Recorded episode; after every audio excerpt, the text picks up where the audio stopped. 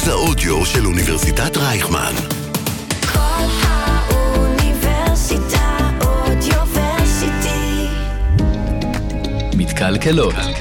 נשות ואנשי מפתח בתעשייה הישראלית מדברים על כסף וקריירה. מגישה בר חדד.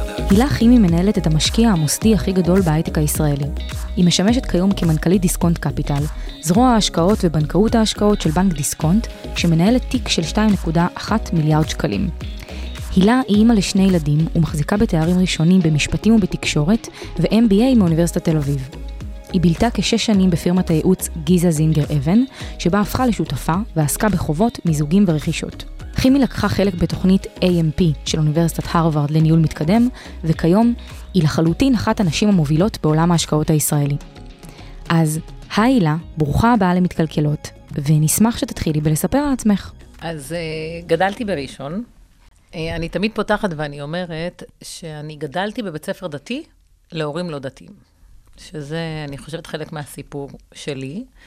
Uh, אימא שלי, שהיינו ילדות, החליטה שחינוך זה דבר מאוד חשוב, והבית ספר הכי טוב בראשון היה בית ספר דתי דאז. Uh, ומצאתי את עצמי ב-12 שנות לימוד בבית ספר דתי כבת למשפחה לא דתייה. Uh, אני השלישית uh, מבין שלוש בנות, וחינוך היה חלק מאוד משמעותי בנוף שגדלתי בו. איזה ילדה היית? בת שלישית מופרעת, אה, לא, ב, לא בתלם. אחרי שתי אחיות מאוד מאוד מאוד מסודרות כאלה, אה, אחותי הגדולה רואת חשבון, אני חושבת שזה אומר הכל. כן. אה, מאוד לא בתלם, מאוד שונה. אני חושבת שזה ליווה אותי, ראיתי שיש לך שאלה על איזה סטודנטית הייתי. כמו שהייתי תלמידה, אני תמיד אומרת שאני רואה את הבן שלי שאין לו מחברות מסודרות, ואני יודעת שמכיתה א' לא הייתה לי מחברת מסודרת. אה, אז תמיד כזה מגיעה לכיתה ומקשיבה. אז את יושבת מולי היום בכובע של מנכ"לית דיסקונט קפיטל, ובעצם באקדמיה את למדת תקשורת ומשפטים.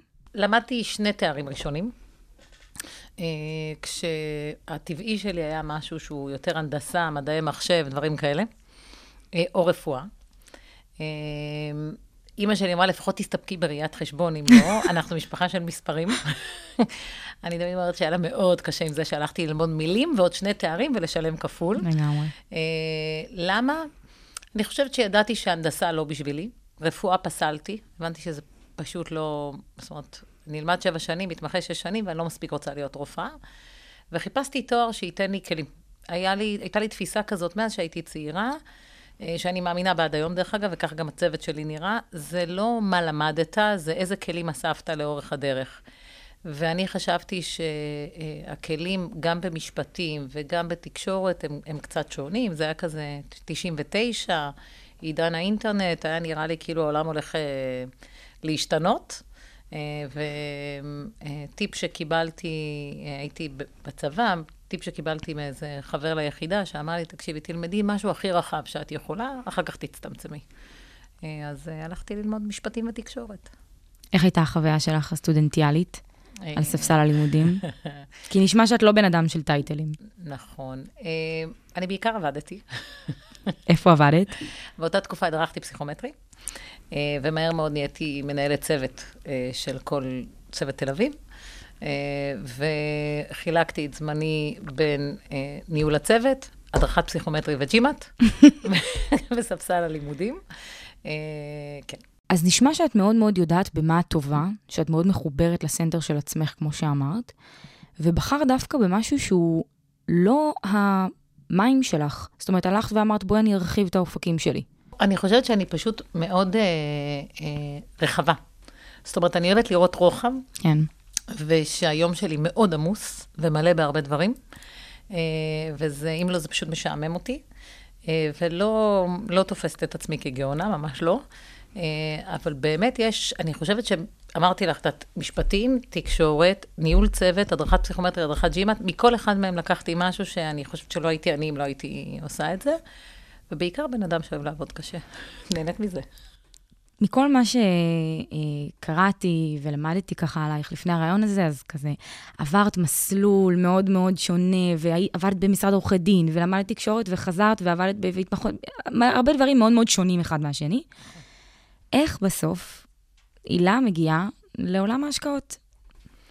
אז אני אספר רגע באמת על המסלול, ואת צודקת. זאת אומרת, אחד הדברים הכי, שהכי מאפיינים אותי זה שזה לא שגרתי.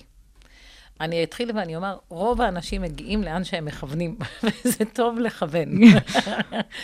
אמ, אני בהיבט הזה אף פעם לא כיוונתי ואמרתי, זה מה שאני רוצה. אמ, אני חושבת שהמסלול שלי פשוט, ידעתי מה אני אוהבת, מה לא. אני מאוד מאוד קשובה למה מה נכון לי ומה לא נכון לי, ומתוך זה אני בוחרת את הצעדים הבאים. אז בהיבט הזה באמת סיימתי את התואר, נסעתי, סיפרתי קודם, אז אני אספר לך, נסעתי גם לשנה, אחרי התואר. וואו.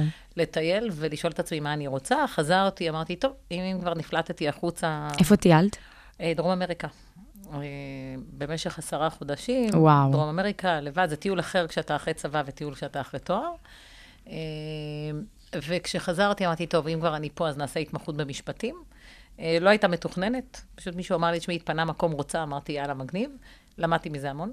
אה, ובאמת, כשסיימתי ונפלטתי מהמערכת הזאת שנקראת האקדמיה, אמרתי לעצמי, טוב, מה עכשיו?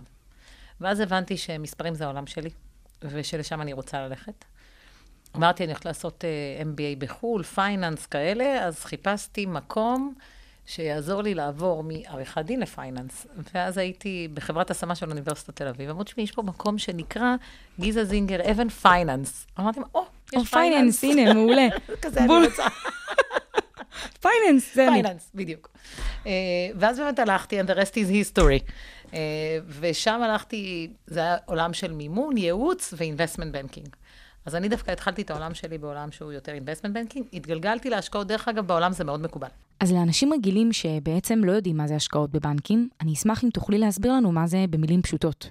אה, זה ההסבר האהוב עליי. Uh, investment banking, המשמעות הוא שאתה מייעץ לחברות uh, בתהליכים, אתה יועץ. אתה לא, אתה לא עושה בעצמך, אתה מייעץ לת, לח, לחברות uh, בתהליכים של גיוס הון או חוב. זה אומר שאם אני עכשיו חברה שרוצה להימכר למישהו אחר, אז אני אקח ל-investment banking, גולדמן זאקס, ג'יי פי מורגן, מורגן סטנלי, זה השמות המאוד מוכרים. הזאב מוול סטריט, כל העולמות האלה, בסדר? זה, אה, זה עולם של, שכסף עובר מצד לצד, בגדול. אה, אני התחלתי דווקא בעולמות ה finance, המימון, ללוות חברות במימון בנקאי, חוץ-בנקאי, שוק הון, בורסות כאלה. אני אגיד את זה רגע במילים של אנשים רגילים. חברה רוצה לקחת איזושהי הלוואה מאוד מאוד גדולה לטובת איזושהי פעילות, ומה הדרך הנכונה ביותר לקחת את ההלוואה הזו. עשית את זה מושלם. אוקיי.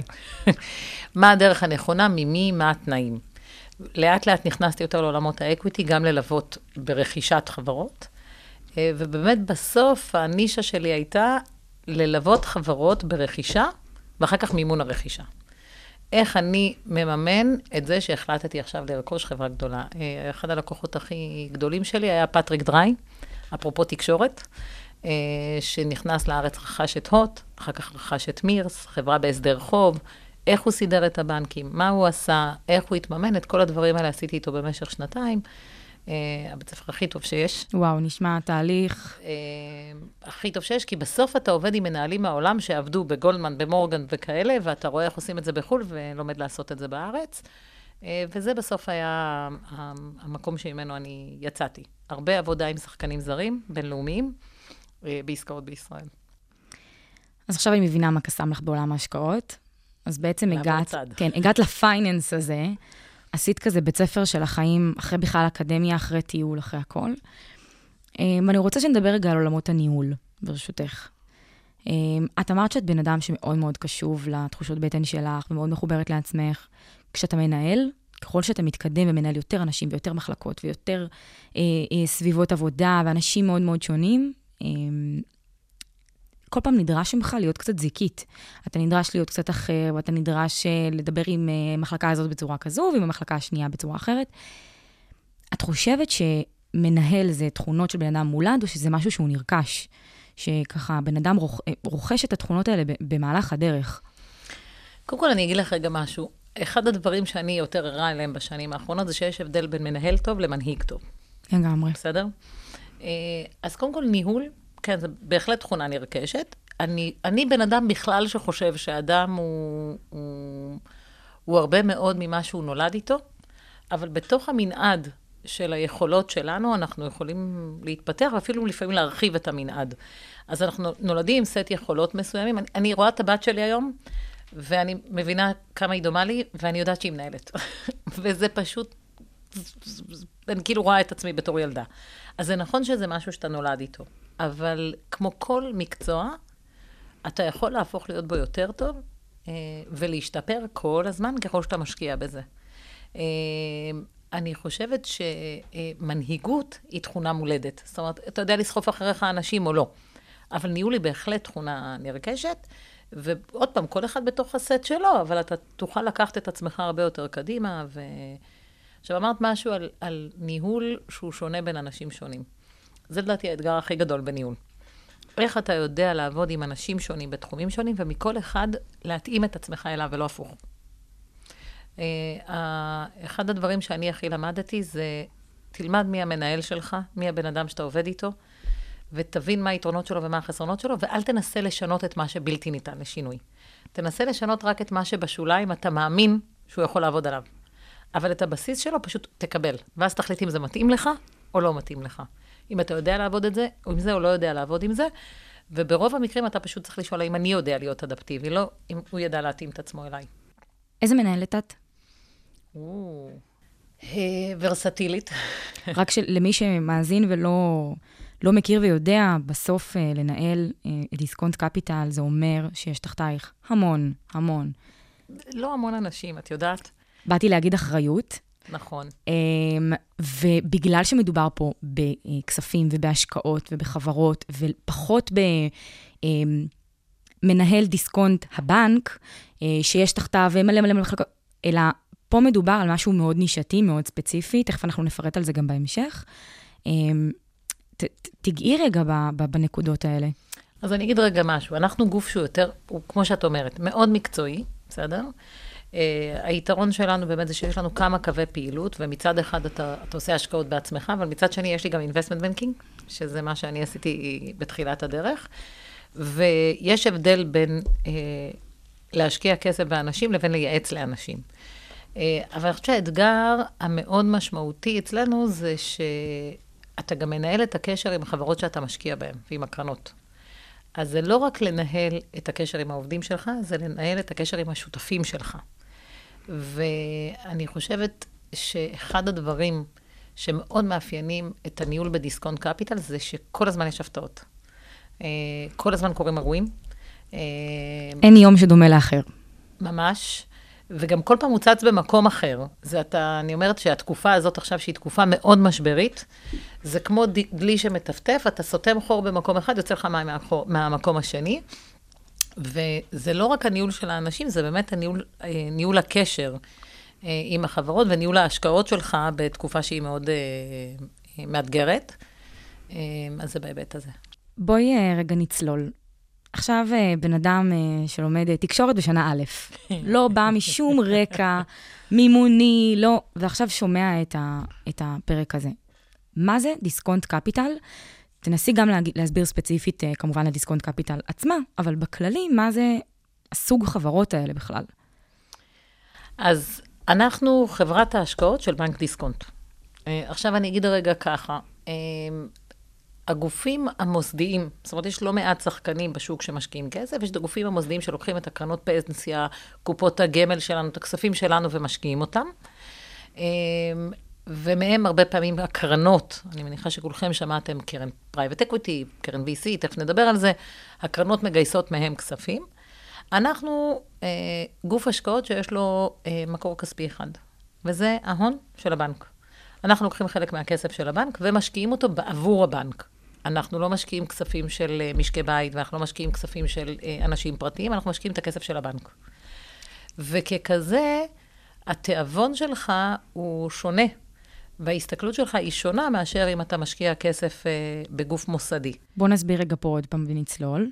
בנק, אה, וזה הרבה מאוד פעמים, כשאתה צעיר ואתה לא צולל לאירועים האלה, אתה לא מבין את זה, בנק הוא ביזנס לכל דבר ועניין. בנק הוא עושה כסף. המוצר שהוא מוכר זה כסף. הריביות שאנחנו משלמים, הפקדונות שלנו, ההלוואות, הריבית דריבית, הכל זה הדרך של הבנק להרוויח כסף בסוף עלינו, על הצרכנים, על, על הלקוחות. אה, אנחנו בעצם קונים מהבנק כסף. בנק דיסקונט, למשל, בהקשר הזה, בפרק הזה, זה business, זה עסק, שמייצר כספים מכל מיני מקומות, יש לו איזושהי קופה, שאת הכספים שמיועדים להשקעות, דיסקונט קפיטל מנהלת. נכון. אז אני אגיד רגע, אני, אני קודם כל, את מסבירה מאוד יפה. את צריכה לש- לשקול להיות uh, קריינית ברדיו, אבל אני אגיד, או מראיינת. אני אגיד רגע רק שני דברים שחשוב לדעת. אחד, נכון, העסק של הבנק זה ניהול כספים, אבל בואי לא נתבלבל. 99% מהכסף של הבנק הולך לעולמות שדיברת עליהם קודם. אנחנו אחוז, שניים, שלושה, אנחנו שיעור מאוד קטן. למה? בסוף בנק הוא אחראי על עוד כמה דברים. אחד, היציבות המשקית שלנו מאוד מאוד תלויה בבנקים. השקעות שהן השקעות equity, מה שקרוי, קרי להשקיע בחברות, לקנות מניות וכאלה, הן השקעות הרבה יותר מסוכנות מאשר לתת הלוואה לחברה או לתת הלוואה למשכנתה. ולכן עיקר עיסוקו של הבנק ומרבית כספו של הבנק יושב באפיקים היותר סולידיים, בסדר? וזה הלוואות. אה, וזה הלוואות עם פיזור מאוד מאוד מאוד מאוד גדול. הדבר השני שאני אומר, היום הבנקים, גם הם שייכים לקופות הגמל שלנו, בסדר? למעט uh, הבינלאומי ומזרחי, שיש להם גרעין שליטה, הבנקים uh, פועלים, לאומי ודיסקונט, הם בנקים שאין להם גרעין שליטה. מי שמחזיק בהם זה אותם מוסדיים שדיברנו עליהם קודם, בסדר? אז למעשה זו מערכת שמצד אחד גובה כספים ממשקי הבית, אבל זה חוזר למשקי הבית בצורה uh, עקיפה בתוך הרווחים של הקופות והקרנות. עכשיו, לבנקים, בארץ ובעולם, היסטורית, JP, גולדמן, מורגן, יש עוד קווי פעילות. המטרה של קווי הפעילות האלה היא לגוון, היא לפזר אה, גם את הסיכון, אבל גם את מקורות ההכנסה של הבנק. אז מה, מה היסטורית אה, היה בחו"ל? הבנקים התחילו לפתח שני קווי פעילות. הראשון זה מה שהסברנו קודם, שזה investment banking. אתה יועץ לחברות שבסוף ייקחו מימון. הן יכולות לקחת מימון אצלך, הן יכולות לקחת מימון אצל מישהו אחר. זה מאוד משתנה באסטרטגיה של בנקים בעולם. אה, זה נוצר בעיניי בעבר ככלי תחרותי. איך אני אצליח להביא אליי עוד ועוד ועוד לקוחות? בדומה למשכנתאות. כן, אבל עכשיו אני רוצה שאת הלקוחות הגדולים אני אתפוס קודם. מתי אני אתפוס אותם כדי שהם יעשו את המימון? כשהם עושים את העסקה. אחרי שהם עושים את העסקה, יצטרכו לממן אותה, הם יבואו גם אליי. ככלי תחרותי, כמה investment banking, בסוף זה הפך להיות מקור הכנסה מאוד מאוד מאוד גדול אה, בבנקים הבינלאומיים, ויש בנקים שהם בעיקר בנקים להשקעות. אה, אז כמו שאמרתי, אנחנו לוקחים חלק מהכסף, ויש לנו שני קווי פעילות, בסדר? הקו הראשון זה אותו investment banking שדיברנו קודם, בשוק הון והנפקות. אה, יש לנו חברת חיתום, עכשיו נכנסנו למילון מונחים אחר. נכון. אה, מה זה אומר חברת חיתום? capital markets. זה אומר שיש לנו, אה, אם יש היום בבורסה, מישהו רוצה לגייס כסף, הוא רוצה להנפיק חברה, הוא רוצה לגייס איגרת חוב, הוא רוצה לגייס משהו, הוא צריך שחקן שילווה אותו בגיוס הכסף. מי זה השחקן הזה? חברות חיתום. אז אנחנו, אה, אה, זה, זה דומה, זה תחת הסל הזה שנקרא investment banking, יש לך ייעוץ, אתה יכול לעשות את זה פרטי וציבורי, בסדר? אז יש לנו את הפעילות הזאת, אני רק אגיד שאנחנו היום מובילים את הפעילות הזאת, אנחנו מדורגים בראש הטבלה כבר כמה שנים. אה, לאותו שחקן, סטודנט בתקשורת ששואל את עצמו מה, אז אני אגיד שעולם ה-investment banking, שהוא עולם הייעוץ, יושב באיזה מקום כזה שבסוף אתה יכול לגייס כספים לחברות מהציבור או, או מבנקים, מגורמים פרטיים או מגורמים גורמים ציבוריים, ולפי זה מתחלק. שגורמים פרטיים, רק שוב, כדי שנניח את זה על השולחן, את מדברת על אנג'לים וכאלה, או שאת מדברת דווקא לא. על אה, אה, מימון המונים, אה, או לקנות אה, כס- כספי ציבור, אה, כזה, קרנות פנסיה? אה, פחות. אני חושבת שזה יכול להיות מוסדיים, אבל אז אה, בצורה שאתה הולך למוסדי, בצורה פרטית, לא שהוא קונה את זה בבורסה, הבנתי. בסדר? או בנקים. זה, אה, בסוף מימון ההמונים הוא, הוא נשמע מאוד גדול, אבל הוא לא כזה גדול. רוב הכסף שזז, לא רק במשק הישראלי, בעולם, מקורו, אחד, בחסכונות הפנסיונים של אותה מדינה, בסדר? ובגורמים הבנקאיים. זה עיקר הכסף. הכסף שמגיע ממשקי הבית, גם בבורסות, גם ב-P2P כאלה שאת קוראת לזה וזה, הוא הרבה יותר קטן. מרבית הכסף יושב בגופים המוסדיים. זה הפרטי שקראתי לו קודם. כן. עכשיו נדבר על הצד השני. כן, בדיוק. צד ההשקעות, בסדר? אנחנו, כמו שאמרתי, לוקחים חלק מהכסף של הבנק, משקיעים אותו. אה, אנחנו יכולים להשקיע או בקרנות השקעה או בחברות. אז בגדול, העולם נחלק לשניים. השקעה בחברות בוגרות והשקעה בסטארט-אפים. השקעה בחברות בוגרות, הייתי קוראת לזה עולם ה-private equity, בסדר? זה אומר, יש לי חברה, יש לה תזרים, כבר אנחנו יודעים מי, מה היא ומה היא עושה. בעולם הזה אנחנו מושקעים היום בחברות כמו מחלבות גד, שמוכרת גבינות. אה, אנחנו מושקעים בחברות שמייצרות, חברה שמגדלת פטריות. חברה כמו סטימצקי שמוכרת ספרים. חברת לווייני תצפית שמוכרת אה, בכל העולם space הלוויינים. זה כולן חברות שאת יודעת היום מה תחום העיסוק שלהם, מה השוק שלהם. עם קבלות. כן, ואתה יודע, עכשיו האתגר הוא לחזות לאן זה ילך, מה יקרה לשוק, זה בתוך המגמה, זה נגד המגמה, המגמה היא בריאות, המגמה היא מה. שנגיד שהסיכון פה הוא נמוך. יותר, נכון. נכון. תזכרי, הכי נמוך חוב. כן, כן, כמובן. אבל פה, כשאני באה לחברה כמו מחלבות גד, שכבר uh, עשו עסקאות גדולות, וכבר אני יכולה לראות אותן, אז הסיכון שלי בהשקעה בהם הוא נמוך יותר. נכון, לחלוטין. האתגר שם, אחד, זה לבחור שותפים טובים, שתיים, זה לוודא שההנהלה כמו שצריך, שלוש, להבין שאתה על הטרנד. אתם נכנסים לבורד? כן. יש לכם איזשהו אחוז מינימום שבגינו אתם נכנסים? יש לנו אחוז מקסימום שמותר לנו בגלל הרגולציה. אוקיי, שזה 20. 20, זהו. נכון. אז מותר לנו 20 אחוז, אה, ואנחנו משתדלים לקחת את ה-20 שלנו, ואנחנו לוקחים חבר או שני חברי בורד, ותמיד יש מישהו שמוביל את אותה השקעה. זה צד אחד. הצד השני זה הסטארט-אפים. שם אתה צריך להיות הרבה, הרבה יותר חזון. לא יודעת למה נראה לי שיש לך יותר פשן לסטארט-אפים. לא, לא, האמת, ש... האמת שאני היסטורית התחלתי בצד המסורתי, ה-private equity, וככל שהשנים עוברות אני מתקרבת יותר גם לעולמות הטכנולוגיה. אה, אני חושבת שדווקא הייחודיות של דיסקונט קפיטל, אה, ואחרי זה אני אעשה פה איזה שיווק קטן על המחלקה הכלכלית שלנו, כדי לגייס אנליסטים, אבל באמת, הדבר הכי, אני חושבת שמאוד מעניין אצלנו, זה שאנחנו ממש יושבים על התפר של private equity ו-VC ועושים גם וגם. יש לנו היום כמעט 60 חברות בפורטפוליו, זה הרבה לגוף השקעות. כולל?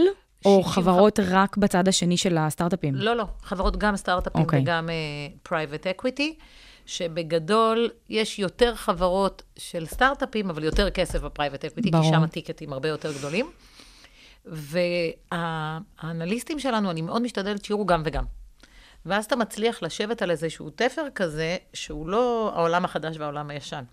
אתה לא מקבע את עצמך. נכון. אני חושבת שבהיבט הזה, זה היתרון המאוד משמעותי, אני חושבת שזה גם מה שנותן לנו את הוויזיביליות הכי טובה לשוק. כי תחשבי שיש לנו ציבורי ופרטי, יש לנו מקומי ובינלאומי, יש לנו טכנולוגיה, אבל גם מסורתי, יש לנו גם buy side וגם sell side. ה-360 מעלות שאתה רואה כל הזמן, מאפשר לך כל הזמן לשאול את עצמך, אז, אז לאן השוק הולך? איפה זה? עכשיו, אמרתי 60 חברות, אבל יש לנו גם איזה 50 קרנות בפורטפוליו, בסדר? 60, שבהם יש גם איזה כמה מאות חברות. אז בתוך המקום הזה, בסוף אנחנו רואים כל הרבעון, יש לנו בערך 500 חברות דרך הנגיעה היא מאוד מאוד רחבה. מאוד רחבה. בואו נעצור פה ונסביר עוד פעם. אה, בפרק האחד מהראשונים, אה, ראיינו פה את אה, הילה רום, שהיא מנהלת ומנכ"לית ומייסדת רוני ונצ'ר, שהסבירה יפה מאוד, וגם חשוב לי לשים את זה כאן בדגש המקצועי.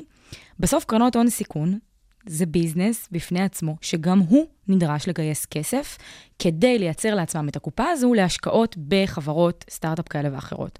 זאת אומרת שהיום דיסקונט קפיטל עושה גם, היא, היא נמצאת בפוזיציה שגם קרנות באות ומבקשות מכן השקעות אה, לקרן של 7 שנים, 12, 10, whatever, וגם מהצד של סטארט-אפ, שסטארט-אפ, אה, שני מייסדים יכולים להגיע לכם ולבוא ולגייס מכם אה, מיליון דולר, או מה שהסכומי ההשקעה שלכם.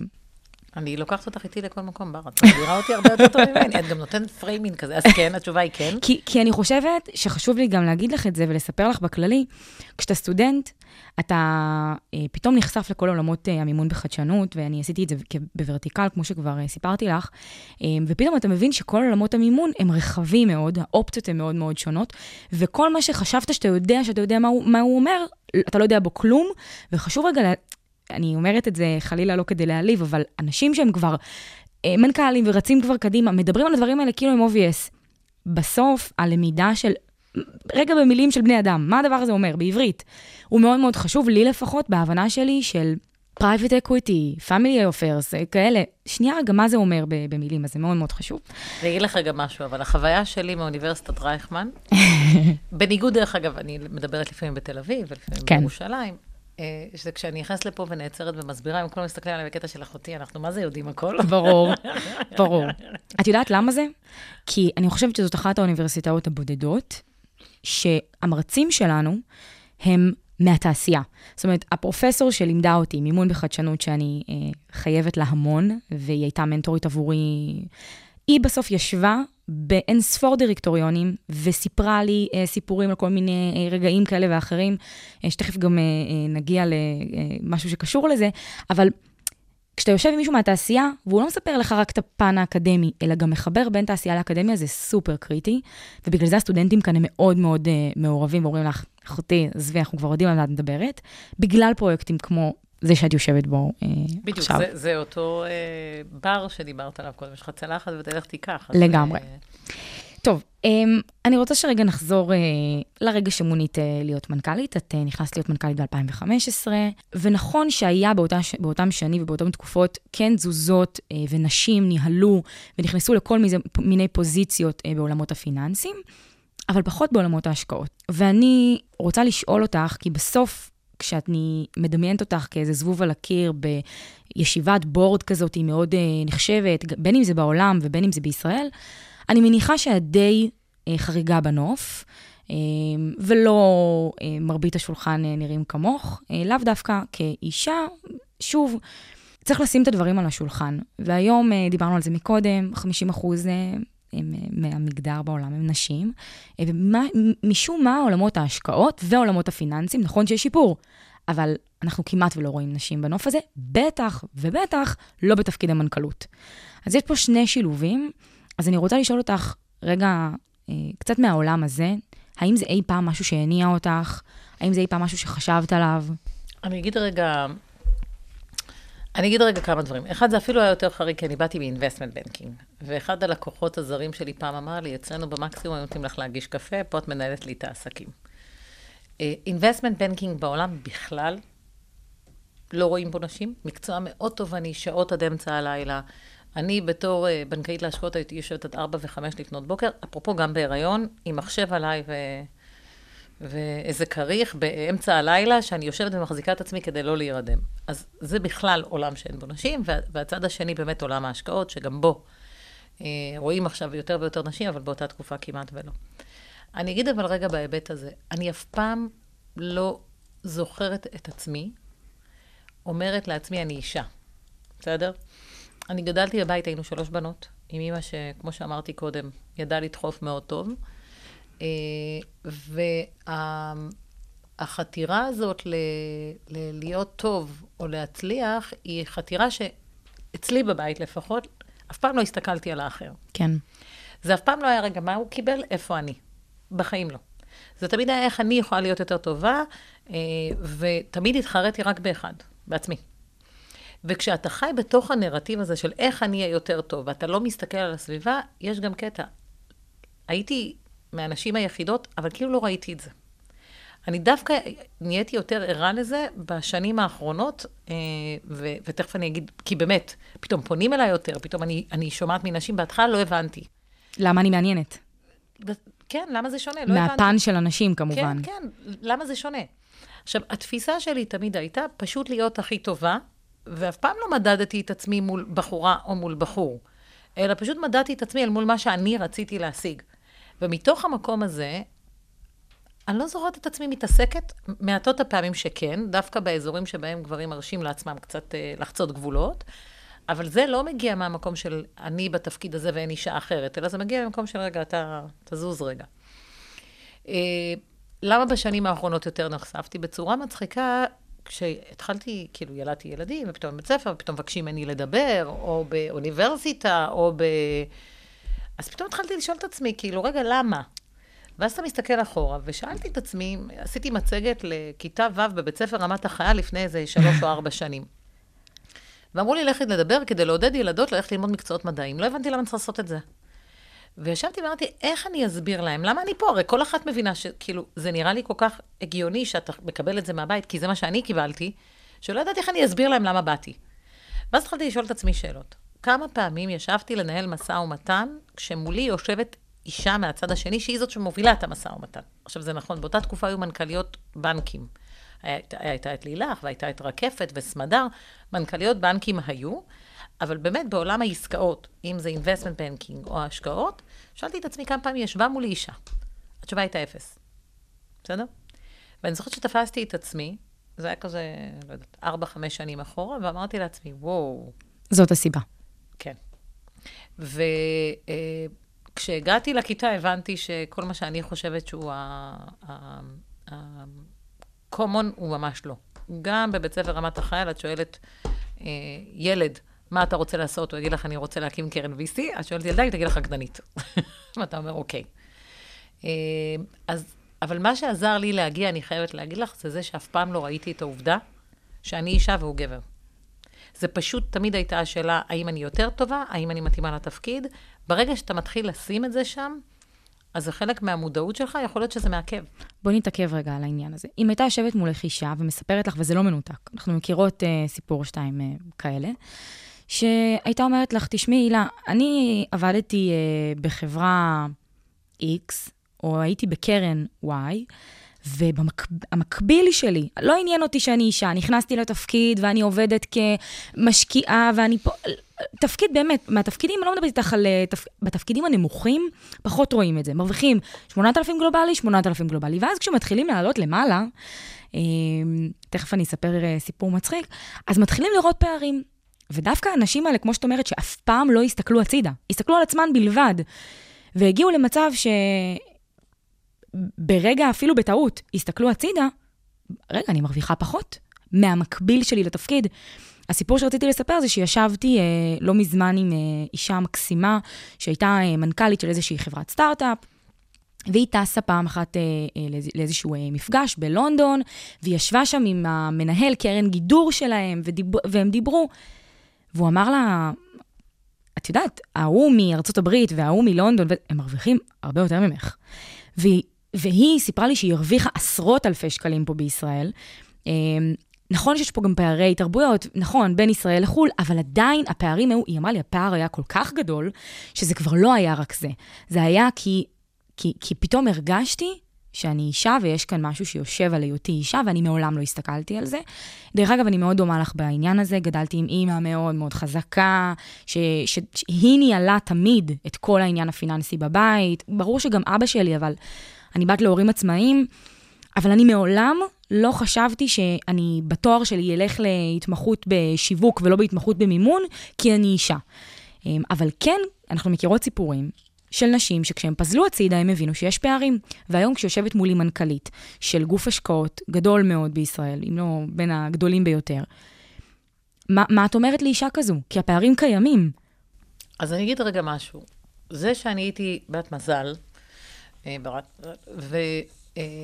והצלחתי למצוא את עצמי בסביבה שבה זה לא השפיע, בסדר? וגם גדלתי בסביבה כזאת, זה, זאת, זה משהו אחד. אני לא בטוחה שאפשר להשליך מזה על הכלל. אני מסכימה איתך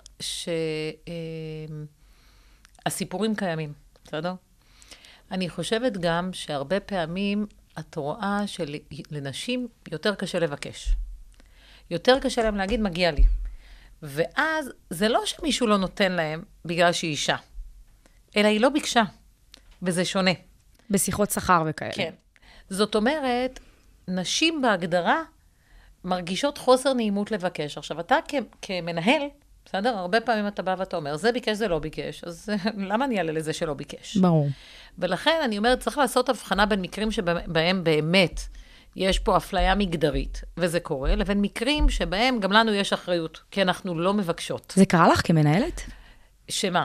זכור לי איזושהי כתבה על אחת המנכ"ליות הבכירות במשק, שסיפרה על זה שישבה בריאיון אה, עם אחת הנשים הבכירות אצלה בחברה, שביקשה משמעותית אה, שכר נמוך יותר. והיא ממש פוצצה את הריאיון, כאילו ממש אמרה כזה, מה, היה סיפור. אז, קרה. לך שאישה שישבה תחתייך בתפקיד, בשיחות שכר, ביקשה משמעותית נמוך יותר. קרה לי משהו אחר, אני נכנסתי לארגון, שהייתה בו סמנכ"לית כספים, שהיא עדיין סמנכ"לית הכספים. אה, אני אגיד רגע ככה, נכנסתי לארגון, היו בו 17 אנשים, נשארו רק שתיים. הסמנכ"לית כספים והמנהלת חשבונות, כל השאר הוחלפו. אבל באותה תקופה, השכר שלה, כמישהי שהיא סמנכ"לית כספים וזה תפקיד סמנכ"לית בכיר מאוד. היה נמוך משל חלק מהאנליסטים בחדר. וואו. אה, והיא לא ביקשה. מקומם. כי היא מדהימה. ואני פשוט העליתי לה במנות מאוד גדולות על ציר הזמן, ותיקנתי את השכר שלה, אני חושבת, על פני שנתיים. את היית מנכ"לית. כן, כן, כשנכנסתי לתפקיד.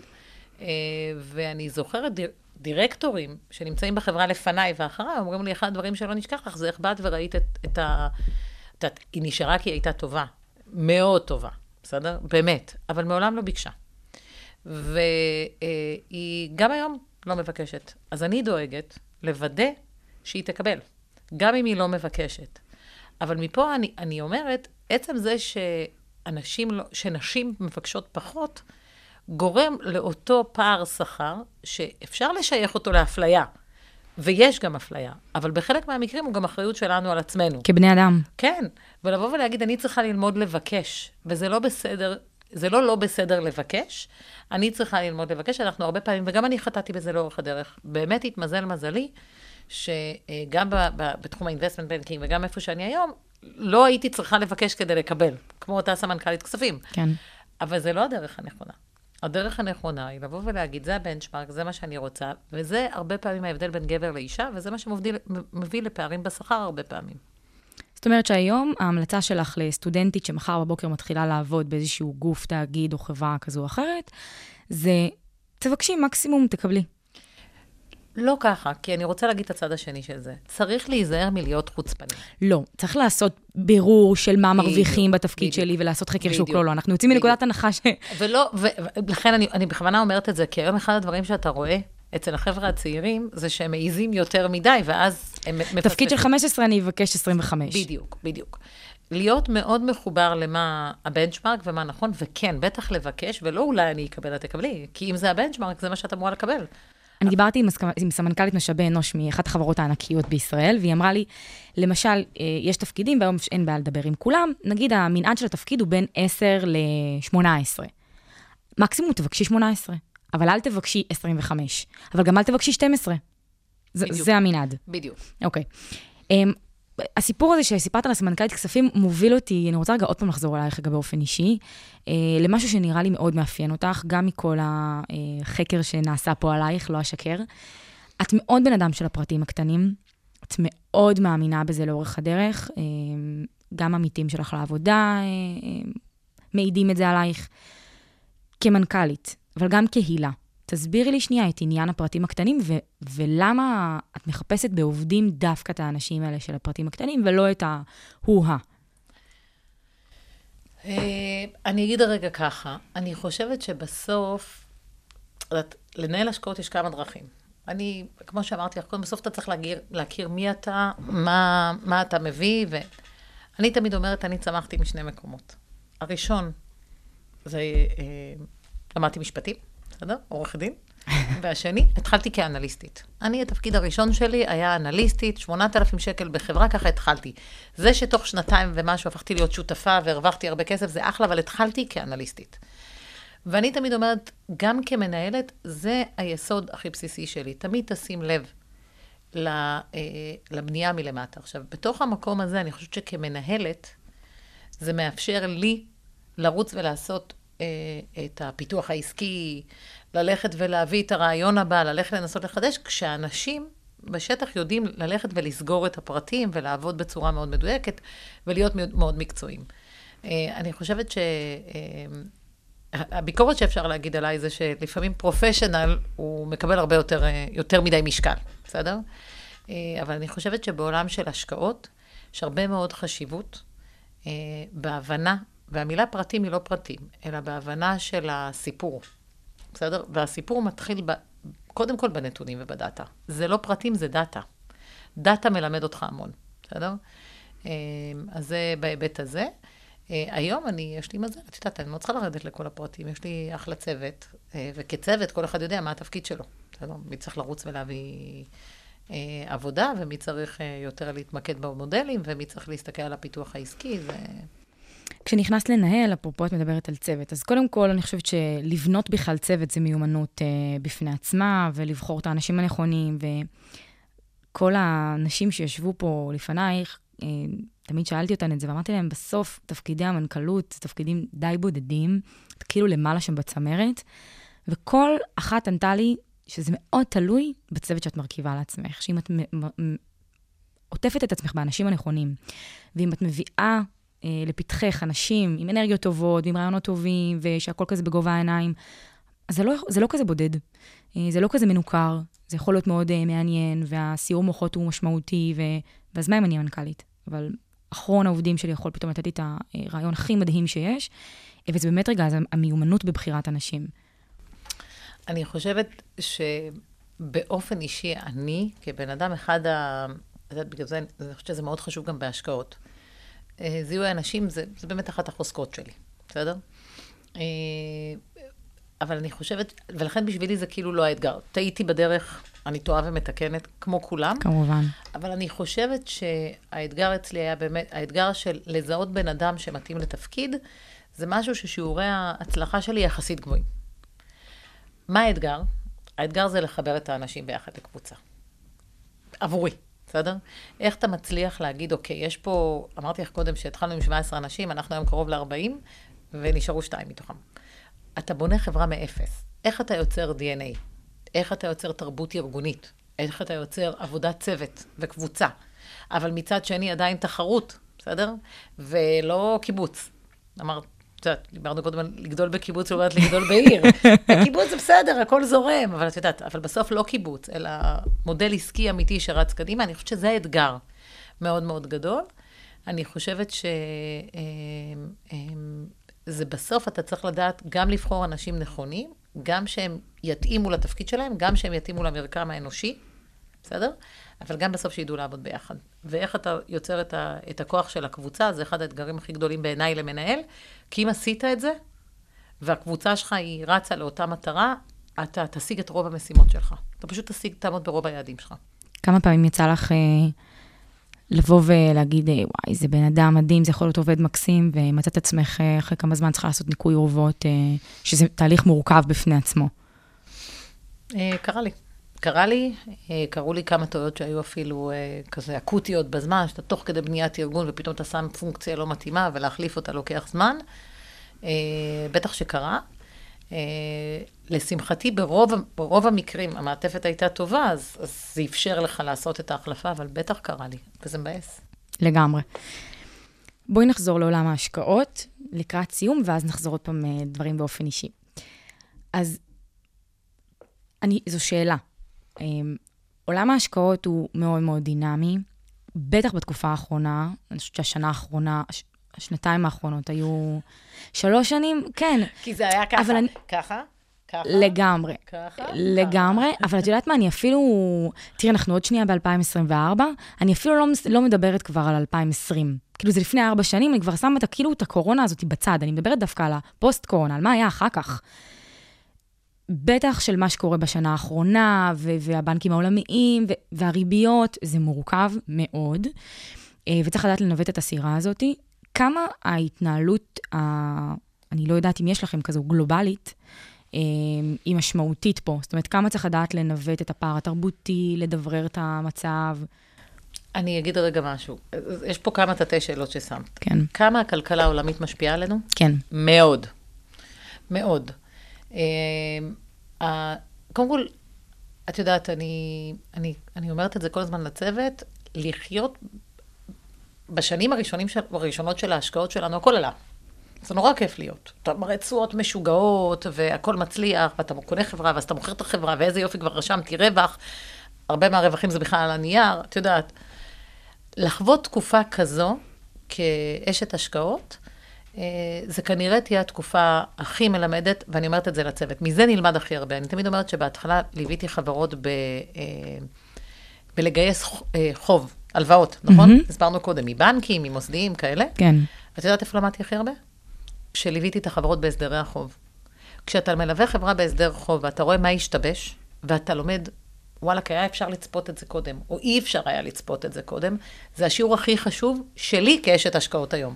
כי אתה מסתכל על חברה, אתה יודע להסתכל עליה גם בצד הטוב שלה וגם בצד הרע שלה. אני חושבת שהתקופה הזאת היא אחת התקופות הכי חשובות והכי משמעותיות בעולם ההשקעות, גם לתהליך הלימודי שלנו, בסדר? כי נורא קל היה לשים כסף בשנים האחרונות ופשוט להצליח. ופשוט כל הזמן להצליח, היית צריך כדי לטעות, היית צריך באמת... אה, עכשיו זה כבר לא, לא כזה פשוט. אז זה אחד. כל מה שקורה בעולם, דיברת על הבנקים, דיברת על ההאטה, דיברת על עליית הריבית, דברי על מה שקורה כאן בישראל, מאוד מאוד מאוד משפיע. אני יכולה להגיד לך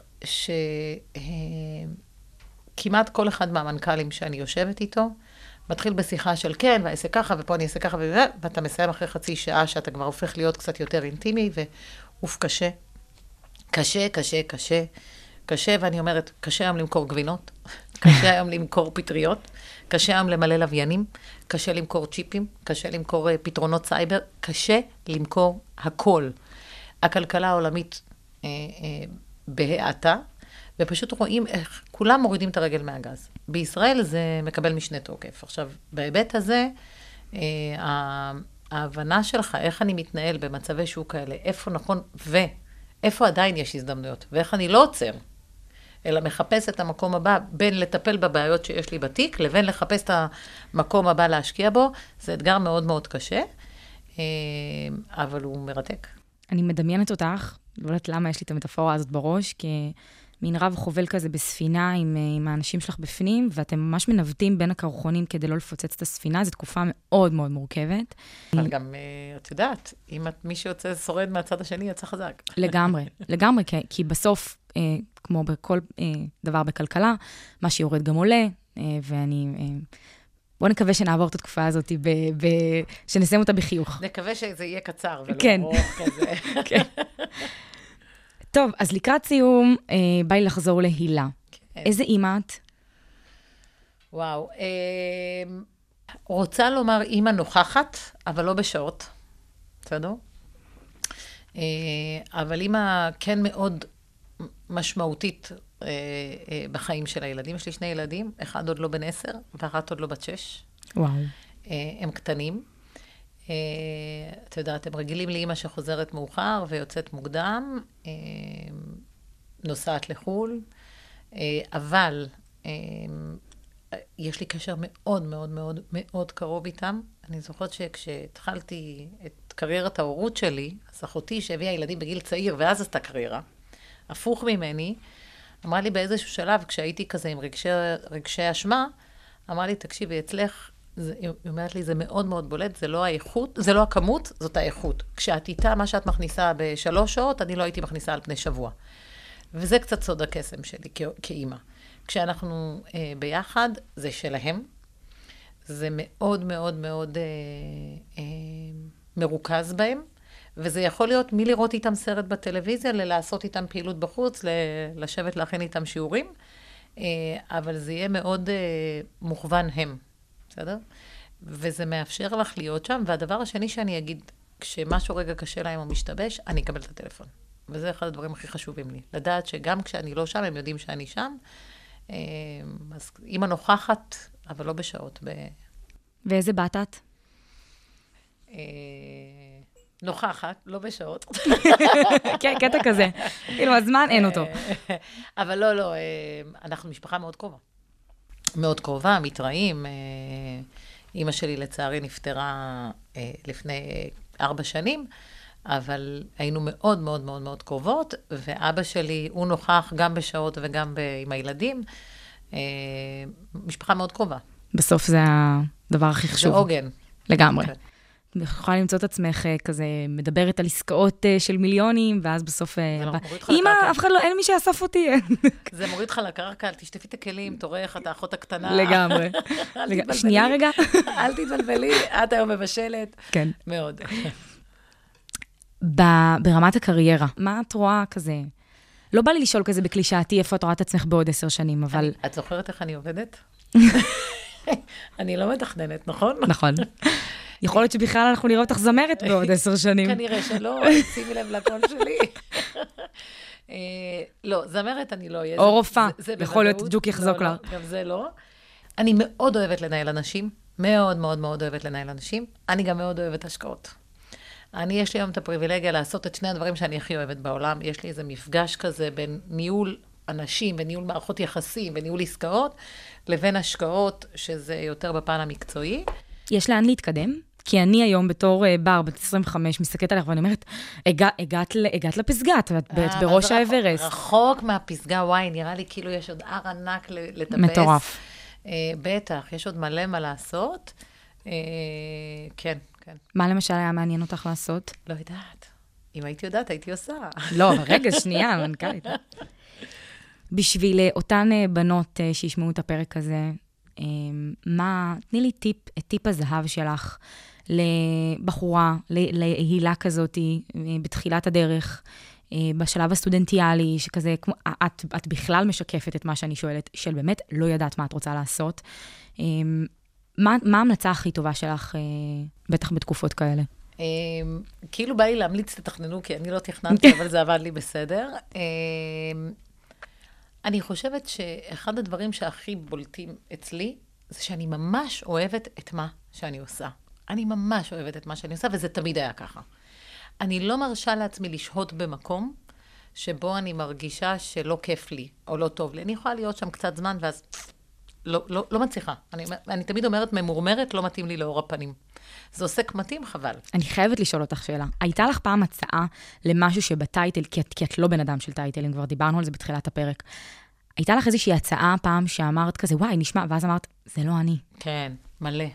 בטח. וסירבת בח- בחיננות. כן, את יודעת, אני יכולה להגיד לך שכשהייתי, כש, כש, כשהגעתי לאותו מקום, לאותו גיזה זינגר אבן פייננס מימון, אה, הייתה לי הצעה מאחד, מהבנק הכי גדול דאז, אה, בתור ילדה, אבל מאז היו לי המון כאלה, שאני זוכרת שבאו ואמרו לי, תקשיבי, בואי ת, תחשבי, למדתי משפטים ותקשורת, אני לא יודעת איך נראה דוח כספי, עשו לי מבחנים, הגיעו אליי איכשהו, לא משנה איך, אמרו לי, בואי תהיי מנהלת מדור אנליזה באגף אסטרטגיה, תהיה אחראית על 17 אנליסטים, אני לא אשכח את זה. עכשיו אני בת 28-9, וואו. אני לא יודעת איך נראה דוח כספי, תקבלי אה, אה, 17,000 שקל, חתימה וקביעות תוך שנתיים. משהו כזה, אני זוכרת את ההצעה. ומנגד אמרו לי, בואי להיות בגיזה זינגר אבן, אה, אנליסטית ב-8,000 שקל. זה, כמו שהבנו, כפול. לגמרי. אה, וידעתי שאני לא יודעת לנהל אנליסטים. אני לא יודעת, אני לא קראתי דוח כספי, אני לא יודעת איך זה נראה, איך אני אנהל אותם? אמרו לי, תלמדי. זה נראה לי מנותק. אז הלכתי להיות אנליסטית. זה להיות מנהלת משמרת לפני שהיית מלצרית. כן. ובהיבט הזה, אה, היו לי מקומות אחרים שהציעו לי דברים מדהימים שהרגשתי שזה פשוט לא אני. זה לא מה שאני רוצה. אה, כן, כן. הרבה כאלה, אה, הרבה לאורך הקריירה, וזה המקום של, אני לא יודעת מה זה, אבל כשזה יבוא אתה יודע. טוב, מבטיחה שאלה אחרונה חביבה. מה הילה חימי, לא הילה חימי, מנכ"לית אה, דיסקונט קפיטל, אה, הייתה מאחלת לעצמה? או, שאלה מעניינת. אני אגיד בריאות, ואני אגיד שלהמשיך להיות במקום שבו אני עושה מה שאני אוהבת, שאני נהנית. אני חושבת שהחיוך הוא אחד הכלים הכי חשובים אצלי, אה, וכל עוד אני מחייכת, אני בסדר. אני אספר לסיום הפרק, שאלייך הגענו, הגעתי בדרך אה, לא דרך, אנחנו נפגשנו בכנס, וראיתי כזה אותך על הבמה, ואני כזה אמרתי, אני חייבת, חייבת שהאישה הזו תבוא להתראיין אצלי. ופשוט אה, ניגשתי להילה, שזה כאילו מהמקום הכי מנותק שיש. אני סטודנטית, אה, כאחרונת הסטודנטיות, ניגשת בשיא חוצפתי אה, להילה, שהיא מנכ"לית דיסקונט קפיטל, ואני אומרת לה, היי, מה שלומך? קוראים לי בר, אני סטודנטית, את רוצה... ופשוט כאילו, את מדברת פה על החיוך, אבל זה אחד הדברים הראשונים, ישר חייכת אליי, אמרת לי, מעניין מאוד, אין לי בעיה, בוא נדבר, קחי את הטלפון, קחי... זה לא קורה. Uh, הרבה מאוד פעמים שאת יודעת, שאנשים שם בפסגה הם uh, די שוכחים, וכאילו, היית כל כך נגישה וכל כך נחמדה וכל כך כזה חיננית, וזה הכי לא מובן מאליו, אז uh, אני אסכם ואני אגיד לך תודה רבה רבה רבה. היה מדהים, היה מעניין, מעשיר, מקצועי מאוד. ניכר שאת אה, בסביבה אה, שטובה לך ושאת פורחת במקומות שטוב לך. אז אה, תודה רבה להילה חימי, מנכ"לית אני יכולה דיסקונט להגיד תודה? קפיטל, כמובן. אז אני רוצה להגיד לך, ש... את יודעת, אמרת קודם, ניגשת אליי, אם, אם ניגש אליי עיתונאי ואומר לי, אני רוצה לעשות לך פודקאסט, הוא מקבל לא. לא. לא. Uh, בכלל, כתפיסת עולם. אבל אני חושבת ש... uh, אחד, במקומות האלה, באמת, אני חושבת שזה כאילו, זה המקום שהכי כיף לי. והדבר השני שאני אגיד, כשבאתי לפה, את יודעת, אמרתי, יאללה, בסדר, ננסה, נעשה פודקאסט. אמרתי לך, את הפודקאסט הראשון שלי, גם כזה היה עם החיוך שלך, ואמרתי, יאללה. אה, אז אני רוצה להגיד לך תודה. אני רוצה להגיד לך שביחס לסטודנטית שסיימה שנה שנייה, עוד לא שנה שלישית, אה, אה, הידע, ההבנה, העניין, הסקרנות שאת מפגינה, שאפו. תודה רבה. מאוד מאוד מאוד מרשים ומאוד נהניתי. תודה רבה.